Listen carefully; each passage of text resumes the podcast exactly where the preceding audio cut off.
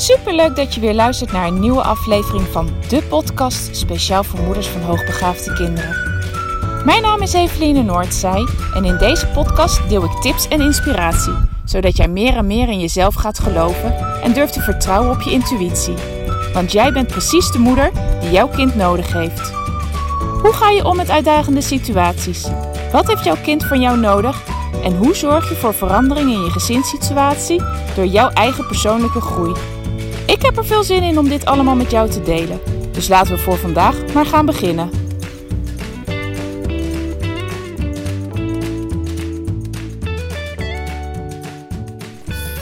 Ha, lieve luisteraars. Welkom bij weer een nieuwe aflevering van deze podcast. Vandaag wil ik het met je hebben over de drie dingen die jij kan doen om jouw kind beter naar jou te laten luisteren. Een van de dingen waar ik zo nu en dan tegenaan loop, maar ook al vele malen tegenaan ben gelopen, is dat de kinderen soms gewoon periodes helemaal niet zo ontzettend goed luisteren als ik iets tegen ze zeg. En ik weet niet hoe het met jou zit, maar dit is echt een van de grootste ergernissen in de opvoeding. Als ze niet luisteren als ik iets tegen ze zeg. Ik vind dat echt zo extreem irritant, vervelend. En vooral ook omdat als zij tegen mij praten, ze wel heel graag willen dat ik naar ze luister. En ik ook het verwijt krijg als ik het niet doe. soms in, letterlijke zin, dat ze me echt gewoon, dat ze verwoorden naar mij van ja, je luistert niet naar mij uh, en dan boos zijn. En op een heleboel andere momenten, en zeker de, als, als de kinderen jong zijn, dat ze dat dan ook met hun gedrag heel duidelijk naar me maken. Ik vind het in ieder geval heel vervelend. En um, ik, uh, ik merk dat ik niet de enige ben als ik naar ouders luister in de praktijk. Dan uh, ben ik echt niet de enige die daar tegenaan loopt. Dus vandaar deze podcast. Uh, welke drie dingen kan je nu doen om te zorgen dat, dat je kind meer, vaker, beter naar jou gaat luisteren. Aller, aller, allereerst is mijn vraag: wat doe jij op het moment dat de kinderen tegen jou praten? Als jouw kind jou een verhaal vertelt, als ze iets aan je vragen, ben jij dan een goede luisteraar? Want wat ik ervaren heb, uh, is dat dit een van de meest belangrijke punten is. Namelijk op de momenten dat ik zelf niet het voorbeeld geef dat ik naar ze luister, dat ik ze serieus neem, dat ik hoor wat ze zeggen, dat ik met ze praat als ze me een verhaal vertellen, dat ik doorvraag, dat ik gewoon aan ze laat weten dat ik er ben, dat ik met mijn aandacht erbij ben, dat ik uh, wel degelijk meekrijg wat ze me vertellen, dat ik daar interesse in heb. Als ik dat niet doe, dan kom ik vaak in een periode terecht waarin zij dat naar mij ook niet doen. Draai hem om in de periodes dat ik naar ze luister, de tijd voor ze neem, aanwezig ben, ze vragen stel, het serieus neem wat ze me vertellen of antwoord geef direct als ik ze een vraag stel. Dat zijn ook de periodes waarin ik zelf ervaar dat ze goed naar mij luisteren. Dus als ik weer zelf in een periode zit, dat, dat ik het gevoel heb van hé, hey, ze, ze, ze luisteren niet of ze horen, hè, dat is het, ze horen me wel, maar ze doen niks met de informatie die ik ze geef. Ze reageren er niet op, ze negeren mij gewoon. Dan ga ik uh, heel vaak als een van de eerste dingen naar mezelf kijken.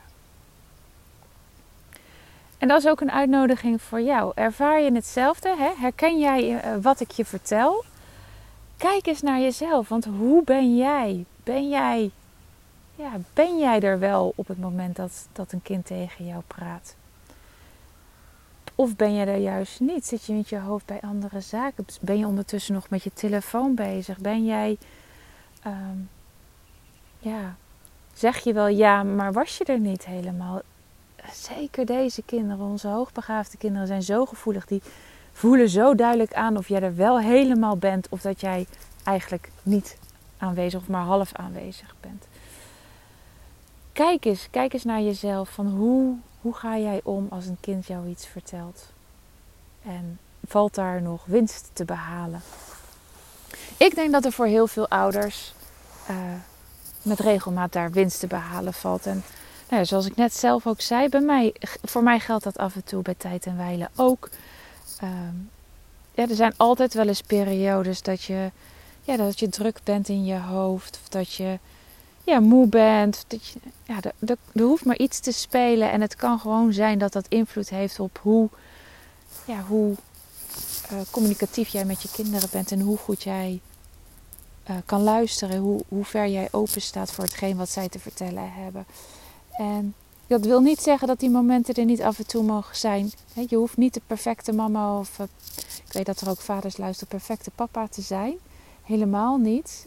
Uh, je doet het goed genoeg. En um, ik denk een perfecte papa of mama zijn geeft niet het voorbeeld aan je kind uh, van, de, ja, van hoe de werkelijkheid echt is. Dus het is helemaal niet erg als je die periodes hebt, maar wees je er bewust van. En besef ook dat dat een rol kan spelen op het moment dat jouw kind niet naar jou luistert. De tweede tip die ik voor je heb is: verklein de afstand tot je kind. Zorg dat je meer in de buurt of misschien heel dicht in de buurt bent van jouw kind voordat je iets gaat zeggen. Er zijn kinderen die zo in hun eigen wereldje kunnen zitten, zo, um, ja, hoe noem je dat? Zo je niet kunnen horen en dat dan echt niet bewust doen, maar zo, ja, gewoon in hun eigen wereld zitten, zo met zichzelf of met, met het spel waar ze mee bezig zijn, of opgaan in, in wat ze aan het lezen zijn, of wat ze aan het kijken zijn, of nou, het maakt niet uit, maar daarin zo ontzettend opgaan. Um, dat ze jou niet horen. Gewoon echt letterlijk niet horen wat jij te zeggen hebt. Dit heeft niks te maken met niet willen luisteren, maar het gewoon echt niet horen. En voor deze kinderen is het heel erg belangrijk dat je letterlijk even het contact met ze maakt. Dat je naar ze toe loopt en zorgt dat ze jou zien, dat ze jou opmerken. Jaren geleden heb ik als groepsleidster met uh, dove kinderen gewerkt, dove en slechthorende kinderen. En wat, het, eerste wat wij leerden, en ik, ik neem die, les nog altijd mee, ook in de opvoeding van mijn eigen kinderen, is het maken van contact. Deze kinderen kan je niet van een afstand aanspreken. Hè? Dat is natuurlijk heel logisch. Um, je zal altijd moeten zorgen dat je contact hebt. En in dit geval bij deze kinderen, bij de dove kinderen, uh, moest je letterlijk oogcontact hebben. Want zij moesten kunnen zien wat jij gebaarde. Of wat ik op dat moment naar ze ging gebaren. En die les is, ja, die, die, dat is een van de belangrijkste lessen die ik toen daar heb geleerd. Maak contact en zorg dat je zeker weet dat je gehoord wordt, gezien wordt. En bij het ene kind betekent dit dat je inderdaad dat oogcontact moet maken. Maar niet alle kinderen, niet alle hoogbegaafde kinderen vinden dat heel fijn. Het kan ook ehm, heel fijn zijn om prikkels te verminderen, zodat ze beter gericht kunnen zijn op wat jij zegt. Door jou niet aan te kijken. Ehm, maar het contact maken, het even de schouder uh, op, een, uh, op een, even een hand op de schouder leggen, even tikken, uh, even wapperen voor hun ogen, dat je zeker weet dat je in beeld bij ze bent. En daarvoor is het nodig dat je de afstand verkleint. Dus afstand verkleinen, het liefst zeker weten dat je contact hebt, op wat voor manier, via oogcontact of op een andere vorm, dat je zeker weet in ieder geval dat je gecheckt hebt dat je dat je contact hebt. En dan pas hetgene overbrengen wat je wil vertellen. En ja, dat kost tijd. Want als jij boven staat, zal je naar beneden moeten lopen. Als jij in de keuken staat, zal je naar ze toe moeten lopen.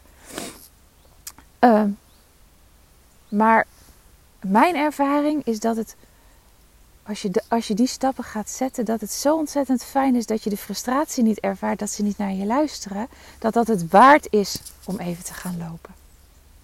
Dus verklein de afstand, zorg dat je contact hebt en breng dan pas je boodschappen. Dat kan heel goed helpen om te zorgen dat de kinderen beter horen wat jij te zeggen hebt en daar dan ook sneller of adequater op gaan reageren. En dan de laatste. Ik zoek hem even op hoor, want uh, ik had er eventjes notities van gemaakt wat ik je wilde vertellen. Um, wees authentiek.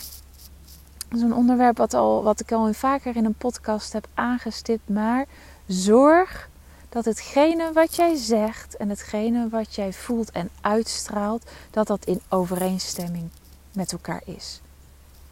Zeg jij het ene, maar spreekt jouw lichaamstaal een, iets heel anders, laat dat iets heel anders zien, dan geef jij je kind gemengde signalen en weet het niet waar het op moet reageren.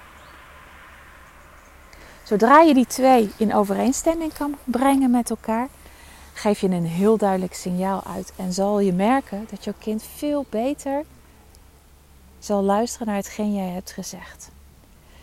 Even een simpel voorbeeld. Als jij aan de ene kant tegen jouw kind zegt dat je het echt niet leuk vindt wat hij heeft gedaan, maar aan de andere kant eigenlijk de lach op je gezicht niet kan verbergen en misschien je, je, mond nog wel, maar je ogen zijn aan het twinkelen en, en er zit een lach in je oog, dan komt jouw boodschap absoluut niet over in wat jij gezegd hebt. En dat is in ieder geval zoals ik er naar kijk. Dus mijn, mijn overtuiging is dat de boodschap die je met je lichaamstaal overbrengt, dominanter is dan hetgene wat jij zegt. En hè, als ik die redenering doorvoer, dan betekent dat ook dat het kind zal gaan reageren op jouw mimiek, op jouw lichaamstaal. En in het voorbeeld betekent dat dat ze jouw lach zien en denken dat het eigenlijk een grapje is of dat het best leuk was. En misschien dat het ze aanzet tot het nog een keer doen. Dus wees voor jezelf uh, zo authentiek mogelijk. Zorg dat je, dat je lichaamstaal, je mimiek en, en hetgeen wat jij vertelt aan je kind met elkaar matcht, in overeenstemming is. Wees daarin zo duidelijk mogelijk, dan komt je boodschap het beste aan. Nou, dat waren de drie tips voor vandaag. En ik ga je nogmaals wijzen op Enjoy Mama. Dat ga ik gewoon elke keer doen, omdat ik. Uh, ja, ik, weet gewoon dat dit uh, een verandering kan zijn binnen jouw gezinssituatie. Loop je ergens tegenaan, en daar zullen we bij tijd en wijle uh, allemaal als ouder doen. Maar heb je specifiek iets waar, waar je graag verandering in wil aanbrengen in je gezinssituatie? Iets wat, wat nu speelt of wat, wat al langere tijd speelt. Iets groots of iets kleins. Het maakt eigenlijk niet uit. Maar jij voelt van binnen van ja, daar, daar wil ik iets mee. Daar wil ik verandering in. het, het hoeft niet mega groot te zijn. Het mag dus ook iets kleins zijn. Uh, uh, het hoeft niet iets heel spectaculairs te zijn. Maar voor je gevoel denk je van ja, daar, daar, wil ik graag iets mee doen. Wees, voel je welkom voor aanstaande uh, zaterdag bij Enjoy Mama. Dan gaan we met elkaar in een groep met uh, gelijkgestemde ouders. Er zitten allemaal ouders van kinderen, uh, waarbij van hoogbegaafde kinderen. gaan wij met elkaar uitpluizen wat er aan de hand is en hoe je gaat bereiken wat je wil bereiken. Uh, simpelweg het een voorbeeld. Op het moment dat een ouder zegt: Eveline, ik wil heel graag dat, um, dat mijn kinderen niet meer zo schreeuwen naar mij. Als ik ze iets vraag, dan gaan wij met elkaar bespreken: oké, wat wil je bereiken? Wat heb je al geprobeerd? Wat heeft niet gewerkt?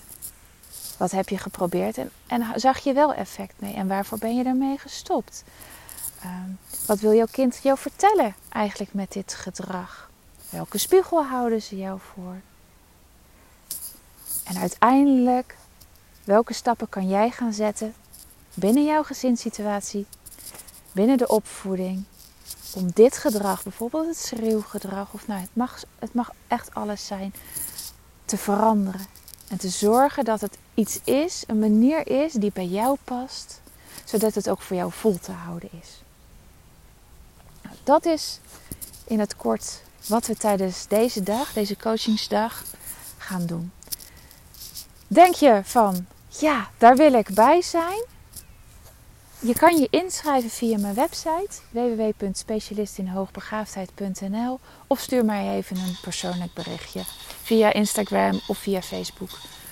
Ehm, daar ben ik te vinden. Lijkt me super leuk als je erbij wil zijn.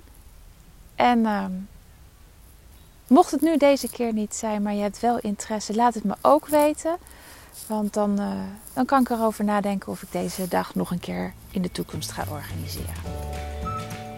Voor nu wens ik je weer een hele fijne dag en ik spreek je morgen weer. Doei doei!